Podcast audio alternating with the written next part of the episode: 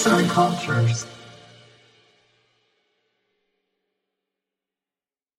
Merhaba sevgili dinleyenler. Bugün sizlere bir vatan şairi olan Namık Kemal'den bahsedeceğim. Keyifli dinlemeler. Tanzimat devrinin önde gelen önemli şairlerinden biri, kuşkusuz ki edebiyat çevresinde vatan şairi olarak adlandırdığımız Namık Kemal'dir. Edebiyatımızda birçok yeniliğin öncüsü olan sanatçımız 21 Aralık 1840 yılında Tekirdağ'da doğmuştur. Ailesi Osmanlı Devleti'nin Seyfiye ve Kalemiye sınıflarına mensup önemli konumlarda olan kişilerdi. Dedesi Abdüllatif Paşa ile birlikte gittiği Rumeli ve Anadolu'nun çeşitli kentlerinde çok yönlü bir eğitim almış, Kars'ta bulunduğu sürede eğitim aldığı hocasının yönlendirmesiyle şiirle tanışmıştır. 18 yaşına geldiğinde İstanbul'a dönmüş ve tercüme odasında katip görevinde memuriyetine başlamıştır. Yazdığı eserler sebebiyle çeşitli yerlere sürgün edilen şair 2 Aralık 1888 yılında hayata gözlerini yummuştur.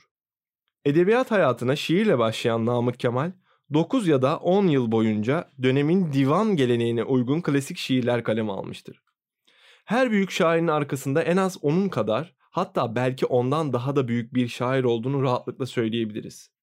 Namık Kemal'in de çoğu yazısında belirttiği üzere fikir babası İbrahim Şinasi'dir. Şinasi ile tanışana kadarki şiirlerinde eski edebiyatın ve tasavvufun etkisi görülmekteyken onunla tanışması onu şekil olarak olmasa da içerik olarak yeni edebiyatı benimsemeye itmiştir. Sanatçının esas dikkat çeken şiirleri zaten Şinasi'yi tanıdıktan sonra kaleme aldığı şiirleridir. Şinasi onun bakışını gökten ve hayalden alıp gerçeğe çevirmiştir. Vatanın elden gitmesini engellemenin yolunun sert uslup ve katı gerçekçilikten geçmesi gerektiğini düşünmüş ve bunun sonucu olarak vatan, millet, ahlak, hürriyet gibi temaları işlemeyi tercih etmiştir. Onu vatan veya hürriyet şairi olarak nitelendirmemiz bundan kaynaklıdır. Ustalık dönemi olarak da adlandırabileceğimiz bu şiirlerde saf bir estetik gözlenmemektedir. Namık Kemal'i şair yapan en önemli özellik de estetik ve edebi zevkten ziyade akıl ve inancı ön planda tutmasıdır. Şiirlerinde gazete yazıları yazmasından ve kullandığı temalardan kaynaklı olduğunu düşündüğüm hitabet edası, ciddi gazeteci üslubu ve kahramanca bir hava sezilmektedir. Örnek verecek olursam adlarına sıkça rastladığımız Hürriyet Kasidesi, Vatan Şarkısı ve Vaveyla şairin en çok öne çıkan manzumeleridir. Şiirlerinin yanı sıra kaleme aldığı tiyatro ve gazete yazılarında kendi düşüncelerini ortaya koyması onu Tanzimat döneminin en önemli fikir ve sanat adamı olduğunu söyleyebilmek için geçerli sebeplerdendir. Döneminin diğer sanatçılarının aksine toplum için sanat anlayışını benimsemiş, eserlerinde halk söyleyişini yakalamak istemiş, edebiyatı geniş kitlelere hitap aracı olarak görmüştür. Yansıtmak istediği düşünceler hürriyet, vatan, ahlak olunca hükümet siyasetine aykırı düşen bu düşüncelerin yayınlanmasını elbet engellemek isteyecekti.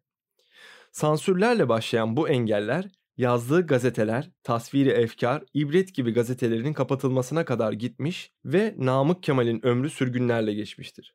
Gazete yazılarıyla da istediğine ulaşamayan Kemal, halka hitap için tiyatroyu kullanmaya karar vermiş ve edebiyatımızda sahnelenen ilk tiyatro olan Vatan yahut Silistre'yi kaleme almıştır. Oyun Silistre Kalesi'nin kuşatmadan kurtulabilmesi için askerin gösterdiği cesareti, kahramanlığı aynı zamanda Zekiye karakterinin İslam Bey'e olan aşkı nedeniyle yaptıkları anlatılır. Simgesel bir anlatım hakimdir. Oyundaki Silistre Kalesi vatanın bir simgesi gibidir. Onu korumak, vatanı korumaktır. Zekiye'nin aşkı da vatan sevgisinin bir sembolüdür. Zekiye İslam Bey'e olan aşkından kılık değiştirip arkasından düşmanla çarpışmaya gider. Denebilir ki Zekiye hiç tereddüt etmeden bir sevda uğruna ölümü göze almıştır. Böylelikle soyut kavramlar olan vatan ve vatan sevgisi somutlaştırılmaya çalışılmıştır.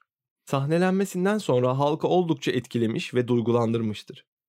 Namık Kemal'in vatan ile alakalı yazdığı şiir ve oyunlar sadece o dönemin halkını etkilemekle kalmamış, arkasından gelen nesile de çok şey katmıştır. Yaşadığı dönemin zamanını aşan bir fikir adamı haline gelen Namık Kemal, Ulu Önderimiz Atatürk'e de fikir hocalığı yapmıştır. Hatta Atatürk Namık Kemal için vatanın kurtuluşu ve istiklali için ölmeyi bugünkü nesle Namık Kemal öğretti demiştir. Bu cümleden de anlıyoruz ki sanatçı kariyerin başında vatanın elden gitmesini önlemek için hedeflediği amacına ulaşmıştır. Mümkün olsa vatanımı yüreğimin içine saklayacağım. Göğsüm parça parça olmadıkça bir taşına kimsenin elini dokundurmayacağım. Vatan yahut Silistri. Yazan Öykü Yufka, seslendiren Hasan Tüzemen.